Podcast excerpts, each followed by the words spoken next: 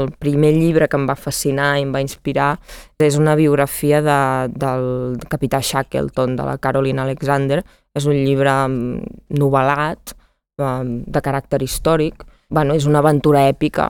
Llavors, en aquell moment, mm, a mi em va resultar molt inspirador.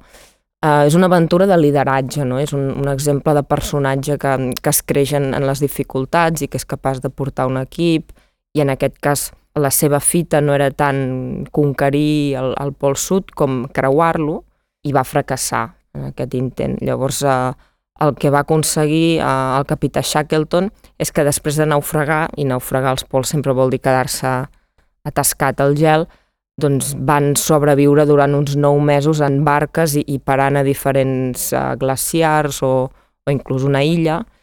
I després d'això, ell sol, amb, amb pocs companys, anar amb una barqueta a buscar ajuda, que ajuda volia dir que estava a 6.000 quilòmetres d'allà, aconseguir l'ajuda, després de trobar un vaixell, i tornar per salvar la resta que l'estaven esperant a, a Elephant Island, en una petita illa perduda del Pol Sud. Llavors, és una història molt exagerada de, de derrota, perquè no s'arriba a l'objectiu, però um, victòria en el sentit de perseverància i, i acabar d'alguna manera tinguent èxit dins d'això, no? dins de la desgràcia i tornar a casa amb, amb cap víctima.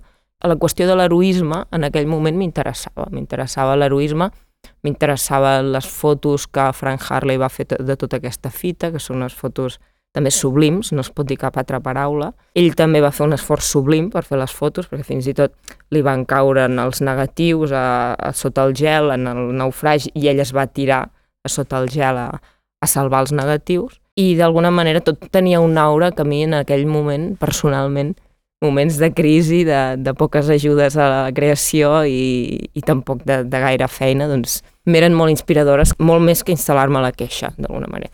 I amb això no vol dir que admiri aquest tipus d'heroisme clàssic, èpic, masculí, però sí que mirat segons com era interessant i era, i era el que volia treballar.